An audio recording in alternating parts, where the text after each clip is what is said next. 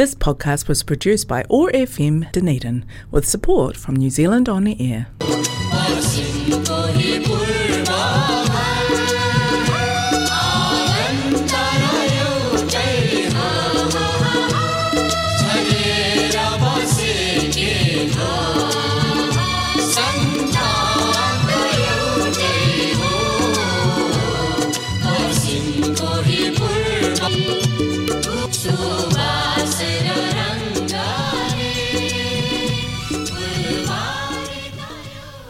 नमस्ते। हरेक मङ्गलबार साँझको छ तिस बजे प्रसारण हुने ओठ्यागु एक्सेस रेडियोबाट सञ्चालित हाम्रो आवाजमा म टिका कौशिकको सम्पूर्ण श्रोताहरूमा हार्दिक अभिवादन। आज मङ्गलबार इस्वी सन् दुई हजार एक्काइस अक्टोबर पाँच तारिक तदनुसार विक्रम सम्बत दुई हजार अठहत्तर असोज उन्नाइस गते।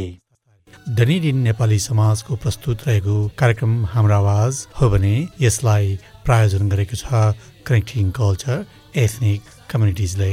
कार्यक्रम हाम्रो आवाज ओछ्याएको एक्सेस रेडियो एक सय पाँच दशमलव चार मेघाजमा हरेक मङ्गलबार न्युजिल्यान्डको समयअनुसार साँझ छ तिस बजेदेखि सात बजेसम्म सुन्न सक्नुहुनेछ भने पोडकास्ट तथा आइट्युन्सबाट तपाईँले चाहेको बेलामा सुन्न सक्नुहुनेछ। कार्यक्रम हाम्रो आवाजमा आज म गीती कथा लिएर आएको छु। गीती कथाको शीर्षक छ बल्झिएको घाउ। पन्ध्र वर्षदेखि अभाव खेपिरहेको जिन्दगी थकित भइसकेको थियो। मानव कुनै पनि बेला पुक्लुक्क ढल्न सक्छ। पर्याप्त पौष्टिक आहार र पौष्टिक तत्त्व नभएपछि शरीर गल्दो रहेछ। गलाउने कुरा पौष्टिक आहार र पौष्टिक तत्त्व रहित खाना मात्र थिएनन्। स्थानीय बासिन्दाहरूको घृणा भेदभाव हेपाय परिचयको सङ्कट र असुरक्षा त्यति नै बढी। त्यसैले यो शरीर भौतिक र मानसिक दुवै किसिमले गलिसकेको थियो। सबैतिर अन्धकार भएको बेला कालो बादलमा एउटा चाँदीको घेरा देखा पर्यो। पुनर्वास बास पुनर्वास। मनमा दिमागमा रडाको मचिन थाल्यो। परिवारमा समाजमा विभाजन देखिन थाल्यो। पुनर्वासमा जाने र नजानेमा तर आँखा चिम्लिएर पुनर्वासमा सामेल हुने फारम भरे। दिमागमा कसरी यो शरणार्थी शिविरबाट बाहिर निस्कने र निस्किँदा पाइला टेक्ने ठाउँ पनि होस् भन्ने लागेको थियो। युएनएससिआरले उपलब्ध भए मध्येको उपाय भनेको पुनर्वासमा जाने बाहेक केही थिएन। विभिन्न चरणहरू पार गर्दै अमेरिका उड्ने दिन नजिक भइरहेको थियो। बिस्तारै हिजो घृणा लाग्ने चिजहरूप्रति पनि किन हो माया लागेर आउन थालेको थियो। तर पन्ध्र वर्ष अभावमा बिताएको जिन्दगी र स्थानीयहरूको टोकेसोबाट मुक्त हुनुपर्छ भन्ने लाग्यो। आइओएमको बन्दोबस्तमा अब पश्चिम नउडी अर्को उपाय देखिनँ मैले।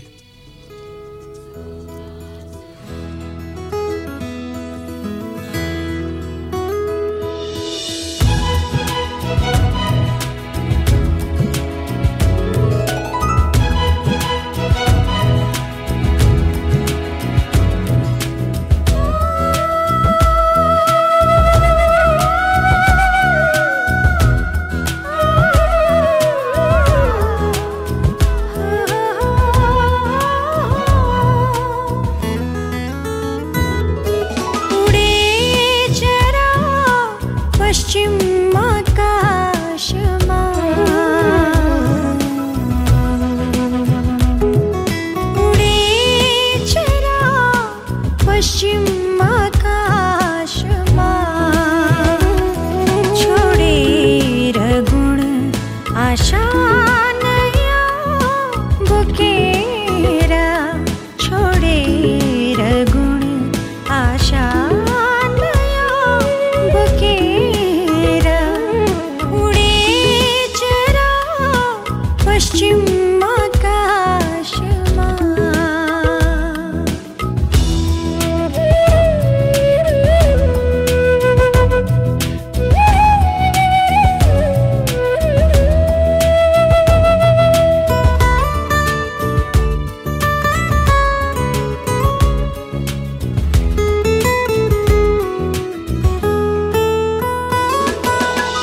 मुझे को बस्ती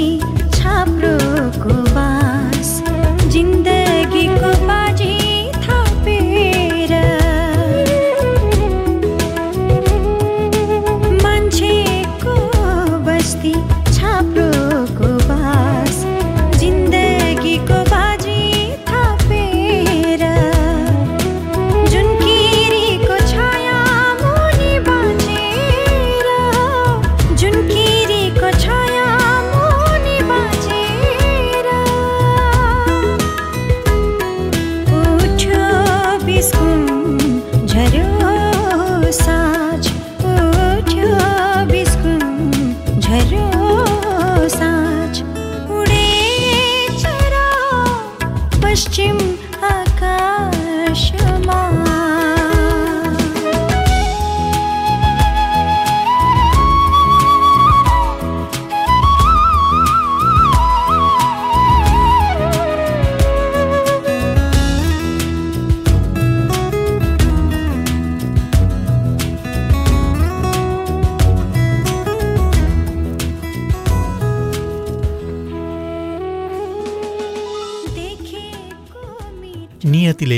जता डोर्याउँछ त्यतै त्यतै तानिनु पर्ने रहेछ। भूमध्य सागर पार गर्दै केही परिवारहरू नर्वे नेदरल्यान्ड डेनमार्क र बेलायत पुगे। केही परिवारहरू दक्षिण चीन सागर तर्दै अस्ट्रेलिया र तासमान सागर तर्दै प्रशान्त महासागरको टापु देश न्युजिल्यान्ड पुगे। अरू आन्ध्र महासागर तर्दै क्यानाडा पुगे र म पनि आन्ध्र महासागर तर्दै संयुक्त राज्य अमेरिकामा आइपुगे। सबैको सपनाको देश अमेरिका। पुनर्वासका पाइलाहरू बामे सर्न थाले तर त्यो भिन्न संसार रहेछ। भाषा नमिल्ने संस्कृति नमिल्ने देशको सरकारको काम गर्ने प्रणाली सेवा कसरी लिने कहाँ जाने कसलाई सोध्ने अन्यल नै अन्यल। अङ्ग्रेजी भाषा बोल्न सक्नेहरूका लागि केही सजिलो त भयो। तर एक दुईजनालाई सजिलो भएर मात्र नहुँदो रहेछ। फेरि एउटा सामूहिक समाजमा बस्ने हामी अमेरिकामा सामूहिक हिसाबले बस्न पाइएन। कोही कता कोही कता छरपष्ट हुँदै एक्लो भएर बस्नुपर्ने। पुनर्वासकै क्रममा खेप्नु परेका चुनौतीले धेरै मानसिक विक्षिप्तता ल्यायो। मानसिक तनाव भयो। धेरैले आत्महत्याको बाटो रोजे। मानसिक तनावले भुटानी समाजलाई अमेरिकामा निकै गाँज्यो। त्यसो त अमेरिकामा पुनर्वास भएका अन्य पूर्व शरणार्थीहरूको पनि धेर थोर उही दशा थियो उनीहरूले पनि देश छोड्नु परेको पीडा भोगेकै हुन्। गोला बारुद र बन्दुकको नालबाट उम्किएका हुन् कति त। कुनै न कुनै रूपमा मानसिक समस्या उनीहरूले पनि झेल्नु परेकै हो। अमेरिकामा मानसिक स्वास्थ्य सम्बन्धी काम गर्ने सङ्घ संस्थाहरूले बहुआयामिक अध्ययन गरेर निश्चित लक्षण भएकाहरूलाई मानसिक उपचार सेवामा सहभागी गराउनुका साथै मानसिक रोग सम्बन्धी नामाकरण गर्यो जस्तै डिप्रेसन एन्जाइटी पिटिएसडी तथा आत्महत्या।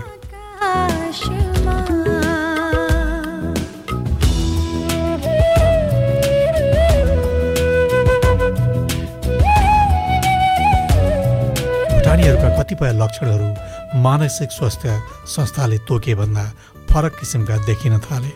जस्तै शरीरको पुरै भाग दुख्नु कटकट खानु झस्किनु शरीर भतभती पोल्नु पाता पाखुरामा विद्युतीय करेन्ट लागे झैँ सोला हान्नु शरीरलाई उठाएर हिँडाउनै गाह्रो खाना पकाउन घर सरसफाइ गर्न पनि मुस्किल हुने। अरू मानिसहरूसँग बोलचाल गर्न मन नलाग्नु खान मन नलाग्नु सुत्ता निन्द्रा नलाग्नु भुटानको र आफ्नो विगतको जीवन सम्झिएर दुखी हुनु आदि आदि। मानिसहरू निराश देखिनु एक्लिएको महसुस गर्नु टोलाएर झ्यालबाट हेर्नु घरबाट बाहिर ननिस्किनु जस्ता क्रियाकलाप देखिए अमेरिकाका स्वास्थ्य कर्मीलाई निकै आपत पर्यो। कसरी उपचार गराउने? दोबासेलाई झन हैरानी। कसरी उनीहरूको भोगाई र शब्दलाई उल्था गर्ने?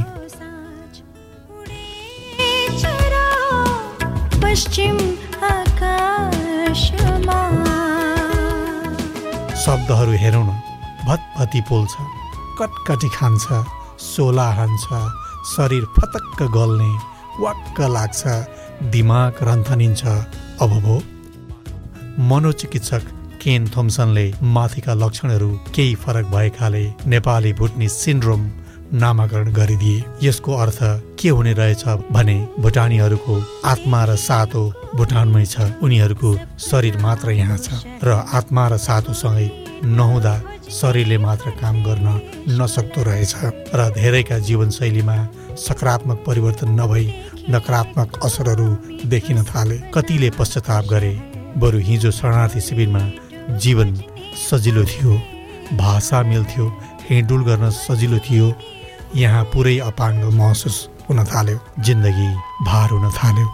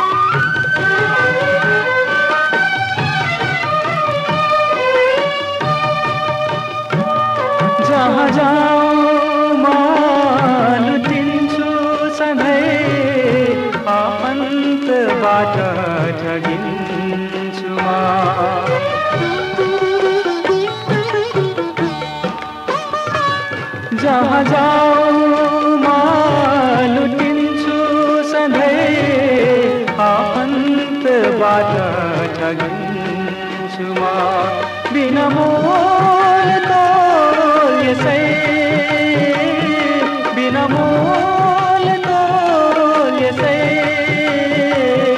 जथा भावी बेचिन्छु म जथा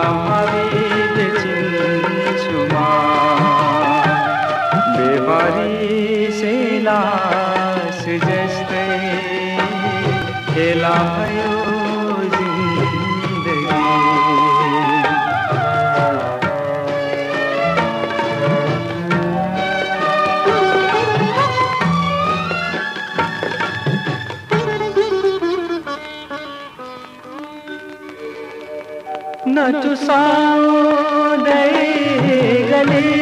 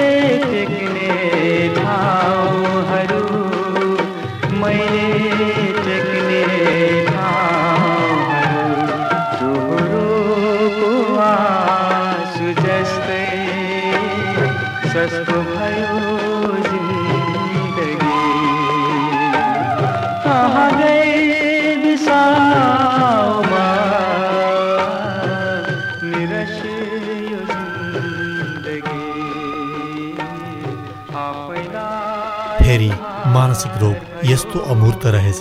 समाजमा मानसिक रोग सम्बन्धी गलत बुझाइ अपर्याप्त ज्ञान भएका कारण मानसिक रोगलाई कलङ्कको संज्ञा दिएको छ। मानिसहरू कुरा गर्न नचाहने खुलेर नबोल्ने उपचार गर्न नमान्ने समस्या विकराल हुँदै गयो। आत्महत्याको सङ्ख्या बढ्यो। धेरै युवा वर्गले आत्महत्या गरे। के कलाकार के लेखक के शिक्षक के विद्यार्थी के अभिभावक? हामीले अलिक खुलेर कुराकानी गर्न नसक्नु पनि एउटा समस्या रहेछ। आफ्नो भावना सोच परिवर्तन गर्न नसक्नु आफ्नो रिसलाई नियन्त्रण गर्न नसक्नु सामान्य कुरामा पनि मन दुख्नु सबै मानसिक स्वास्थ्यसँग सम्बन्धित कुरा रहेछन्। बुझ्ने कोसिस गर्दा त सजिलै हुँदो रहेछ। कुरो नबुझेरै एकपटक मानसिक स्वास्थ्य समस्याले निकै गाँज्यो बिस्तारै भुटानीहरू मानसिक स्वास्थ्यको समस्याबाट बाहिर निस्कन थाले। भजन कीर्तन सामाजिक कामहरूमा संलग्नता करेसाबारीमा गरिने काम गीता लगायतका धार्मिक पुस्तकहरूको पाठ पाठ पूजा पुराण आदिहरूमा सहभागिता बढ्न थाल्यो। अलिअलि अरूको कुरा पनि सुन्न थाले। अलिक चेतना पनि खुल्यो। उपचारमा संलग्न भए उनीहरूको व्यवहार र गतिविधिमा परिवर्तन आयो। जो कुरा सुन्नै मान्दैन मलाई केही भएको छैन भनेर अड्डी कसेर बसेको छ। उनीहरूलाई समस्या जिउको तिउ छ। पश्चिमेली उपचार पद्धतिमा संलग्न नभए पनि मनोचिकित्सकसँग परामर्श लिने योग गर्ने आफ्नो खानपानमा सचेत हुने बेलामा सुत्ने बेलामा उठ्ने जस्ता क्रियाकलापले पनि मानसिक स्वास्थ्यमा सुधार ल्याउन सकिने रहेछ। यसरी हरेकले आआफ्नो बलबुद्धिले भ्याएको जानेको देखेको सिकेको आधारमा धेरैले आफ्नो समाधान निकाल्न थाले। जीवनमा थोरै सजिलोपना आउन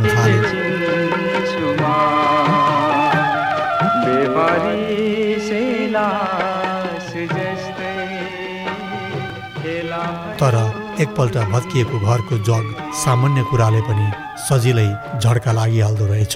फेरि घाउ बल्झियो। कारण इस्वी सन् दुई हजार एक्काइस अप्रिल उन्तिसका दिन जापान सरकारले भुटानका पूर्व गृहमन्त्री Dago छिरिङलाई order of the rising sun gold and silver अवार्डले सम्मान गर्ने घोषणा गर्यो। दागो छिरिङले जापानसँगको द्वैत सम्बन्धमा उल्लेखनीय योगदान पुर्याएको रे।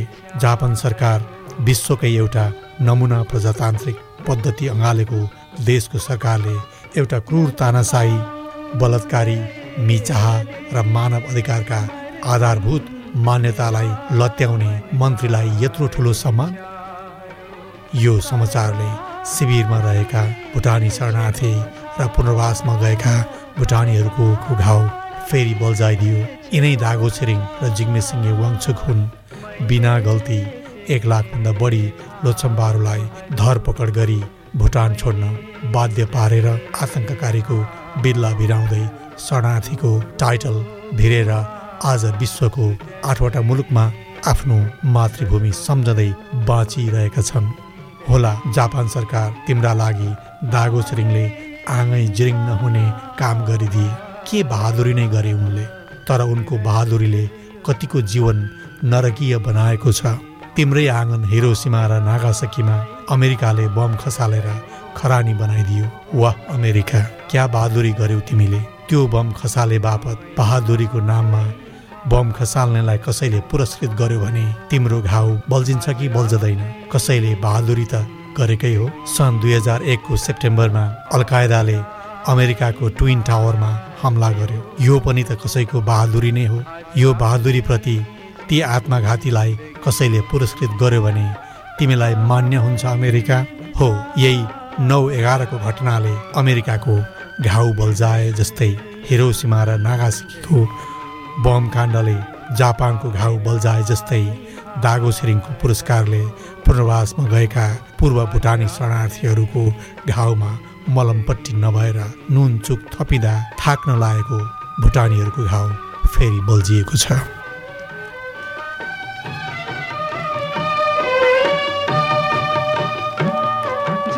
दागो छिरिङलाई कसले बोल्न सक्छ?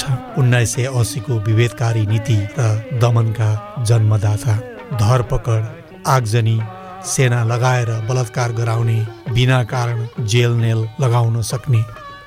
लोछम्पाहरूलाई बाध्य पारी आफ्नो खुसीले देश छोडेको प्रमाणपत्र थमाउँदै दक्षिण भुटानका लोछम्पाहरूलाई देश छोड्न बाध्य पारेको कसरी बोलौँ म? अति नै भएपछि विकल्प खोज्नु पर्दो रहेछ। परिवारलाई सेनाको कब्जाबाट मुक्त गराउन परिवारको मुलीको नाताले बाबाले देश छोड्छु भनेर भोलन्ट्री माइग्रेसन फर्ममा हस्ताक्षर गरी बुझाउनु भयो सबै सरकारी कागजात खोसेर लगी निच्च दाँत देखाएर खुसीले देश छोडेको फोटो खिचायो। गाउँका अरू परिवारसँगै हामीले पनि अलिअलि खाजा सामल बोकेर पुस्तौँ पुस्तादेखि भोग चलन गर्दै आएको सबै जाय जथा त्यागेर बाटो लाग्यौँ। सात आठ घन्टाको बाटो हिँडेपछि बेलुका हामी ओडारमा बास बस्यौँ। धरपकड गर्न कोही आउँदैन। आज भन्ने लागेपछि त्यो रात ओडारमै भए पनि राम्रै निन्द्रा लाग्यो। दोस्रो दिन बेलुकी हामी रुखमुनि बास बस्यौँ। तर राति एक दुई बजेतिर गडाङ गुडुङ सहित मुसलधारे पानीले चुट्नुसम्म छुट्यो। हामीसँग भएको खाने लाउने वस्तु केही ओभानो रहेन। सबै स्वाहा प्रकृति भनौँ या दैव भनौँ त्यो रात साह्रै निष्ठुरी भएको महसुस भयो। उता सब थोक त्यागेर हिँडेको रातभरको मुसलधारे पानीले आफूसँग भएको वस्तु कुनै ओभानु छैन। मानौ हाम्रो जिन्दगी झरेको पात पतिङ्गर भन्दा फरक छैन। उजाड मेरो जिन्दगी निभेको दीप झै भयो उदास मेरो जिन्दगी झरेको पात झै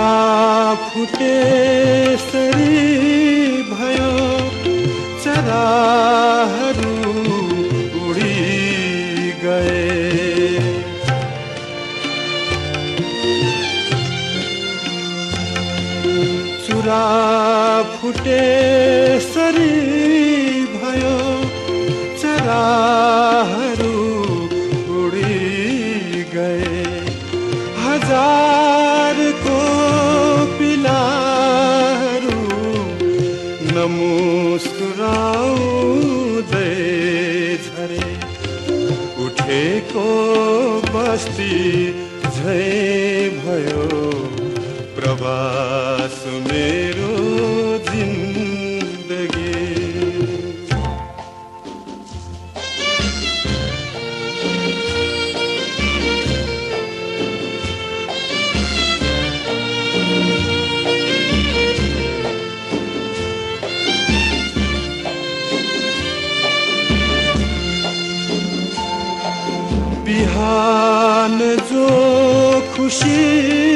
थियो जलेर साँझ भइसक्यो।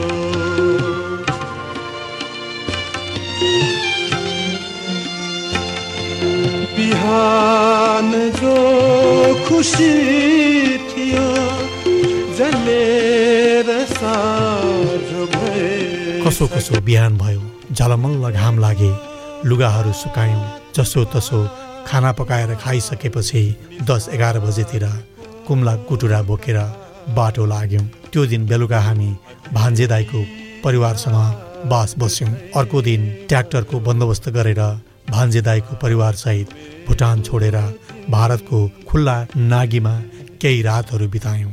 कहाँ जाने कसरी जाने टुङ्गो थिएन चिन्ता थियो तर सेनाको कुटाइको र हप्की दप्कीको डर थिएन। भारतको भूमिमा त्यति धेरै दिन बस्न पाइन्न थियो। एक दुई दिनमा ट्रक खोजेर हामी तिन चार परिवार नेपालतिर लाग्यौँ। काँकड भिट्टामा पारिवारिक दर्ता गरी कन्काई नदीको किनारमा लम्पसार परियो। कन्काई किनारको बसाई अति नै अव्यवस्थित र कष्टकर थियो। केही महिनापछि बेलडाँगी सरियो। अलिक व्यवस्थितको बसोबास भयो। छाप्रामै भए पनि। आज भन्दै भोलि भन्दै पन्ध्रौँ वर्ष बिते घर फर्किने आशामा तर आशा निराशामा बदलियो। मन मस्तिष्क सबै थाक्यो पार लागेन।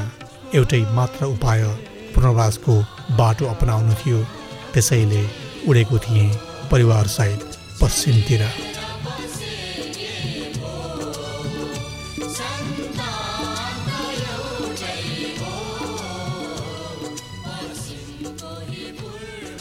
हवस् त श्रोताहरू कार्यक्रमको समय सकिने लागेको छ र यो आजको गीतिकथाको बारेमा म छोटो जानकारी पनि गराउन चाहन्छु यहाँहरूलाई। आजको गीतिकथा बल्झिएको घाउ बेनामी गीतिकथा हो। केही समय अगाडि मेरो इमेलमा आएको थियो। आएको इमेल कसैको नाम थर नखुलाउने प्रकारको थियो।